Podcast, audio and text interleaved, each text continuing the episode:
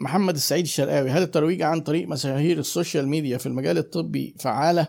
حلو كويس. ده السؤال ده جميل قوي آه، دلوقتي بدأ الترويج عن طريق المشاهير ده يبقى قناة من قنوات الترويج اللي بيبقى حجمها في السوق في العالم بمليارات الدولارات. دي حاجة جديدة.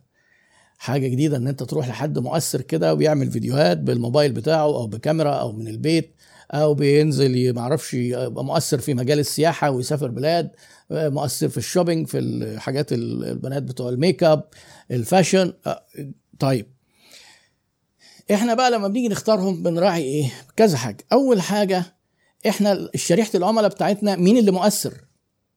مين اللي مؤثر فيها؟ يعني وهل له مصداقيه ولا لأ؟ ما هو في بعض الناس اللي هم مثلا بدأ إيه؟ سمعتهم تهتز. بيعملوا review هات مثلا للمطاعم فمعروف إن هم بياخدوا فلوس ويقولوا كل المطاعم كويس. على فكرة برضو بتجيب نتيجة. بس أنا بقى بتكلم على إن القطاع الطبي له برستيج ما ينفعش إن إحنا نجيب حد مش ماشي مع الصورة الذهنية. الصورة الذهنية بتاعتك لازم الشخص المؤثر ده يبقى ليه صورة ذهنية- ذهنية شبهك. يبقى برضه بيعكس الاحترام بي- عنده ثقة زي ما الناس عايزهم يثقوا فيك. تمام؟ ويكون مؤثر في الشريحة لأن هم آه، أحيانا بينجحوا جدا. أنا ما يحضرنيش مثال إن في حد في الخدمات الطبية في مصر آه، آه، لو حد يعرف أمثلة زي كده يكتبها لنا عشان نحلل القصص دي. لكن أنا يعني ما يحضرنيش هذا المثال. لأن برضو من ضمن الحاجات الخاصة بنشاط الطبي إن مثلا ما ينفعش الإفراط في استخدام العروض مثلا والخصومات.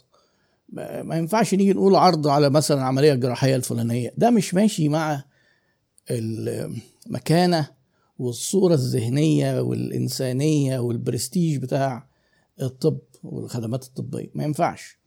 في شوية حاجات بنراعيها عشان هو نفسيا الناس ممكن آه، آه، تجيب نتيجة عكسية معاه كقاعدة عامة لو لقيت حد فيه المواصفات دي وبتراعي آه، المهنة وصورتها الذهنية ممكن بس محتاجة بقى نشوف حالة بحالتها.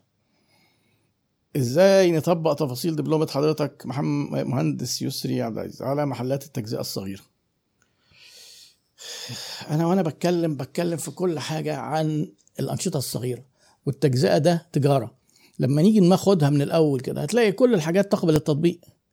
يعني التجارة أنت محتاج حسابات اداره ماليه محلات صغيرة آه مش هيبقى في إدارة موارد بشرية لا أنت بس أنت تبقى فاهم يعني إيه إنك تبقى قائد وتعامل الناس بلطف وبأخلاق وبتاع. آه، دي حتة من ال- من إدارة الموارد البشرية. آه، التشغيل إمتى تطلب الحاجة وتطلبها بكميه قد إيه وتخزن من دي ولا ما تخزنش ده اوبريشنز والتخزين وهل يبقى عندك م- مخزن وتخزن ولا ولا يبقى انت بتشتري بقى من الجملة باستمرار. هنا هيبقى في عيب انك بضاعتك ممكن يبقى فيها نواقص كتير بس استثمارك كفلوس قليل. التاني آه آه، استثمار كبير بس بقت موجودة البضاعة عندك. إيه إيه التوازن ما بينهم؟ بنرجع نبص على معدل دوران المخزون ونشوف إحنا عايزين دوران قد إيه. يبقى لازم يبقى عندنا مخزون قد إيه عشان نبيع بكام. معدلات الكلام ده كلها تنطبق على محلات التجزئة الصغيرة والمتوسطة والكبيرة. التسويق بيبدأ من إنك أنت القيمة هتشتغل إيه والشريحة بتاعتك هتعمل مثلا محلات تجزئة في مجال إيه؟ ملابس مثلا بآلة الملابس. لو أطفال ولا ولا حريمي ولا رجالي ولا أحذية ولا كذا. وفي الأحذية في بقى إيه؟ حاجات شعبي حاجات فوق شوية حاجات وسط براندات.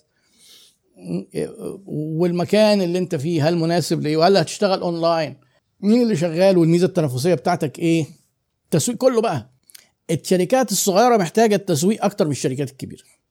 لما تستعرض لو أنت كنت خدت الدبلومة هتلاقي أغلب الحاجات تنفع تتنفس أنا أصلا مش بتكلم أنا مش بدي الدبلومة دي لرئيس مجلس إدارة فودافون مثلا أو شركة آه، آه، معرفش إيه للطيران أو شركة إيه للبترول. أنا ده أنا عاملها للشركات الصغيرة. وإن كنا بندي أحيانا أمثلة بالشركات الكبيرة علشان هي معروفة. نيجي نقول ده أبل بتعمل كذا مش معنى كده إن هو إيه الموضوع ده بس بتاع أبل ولا بتاع كوكا كولا ولا بتاع بيبسي عشان هي معروف. لكن أنا بدي أمثلة كتير جدا بشركات صغيرة و consultations اشتغلت معاهم وعملنا نفس الحاجات بس على حجم الشركات الصغيرة.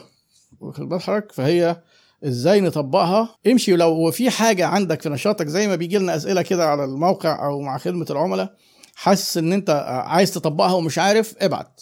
ابعت ابعت لي اسألني.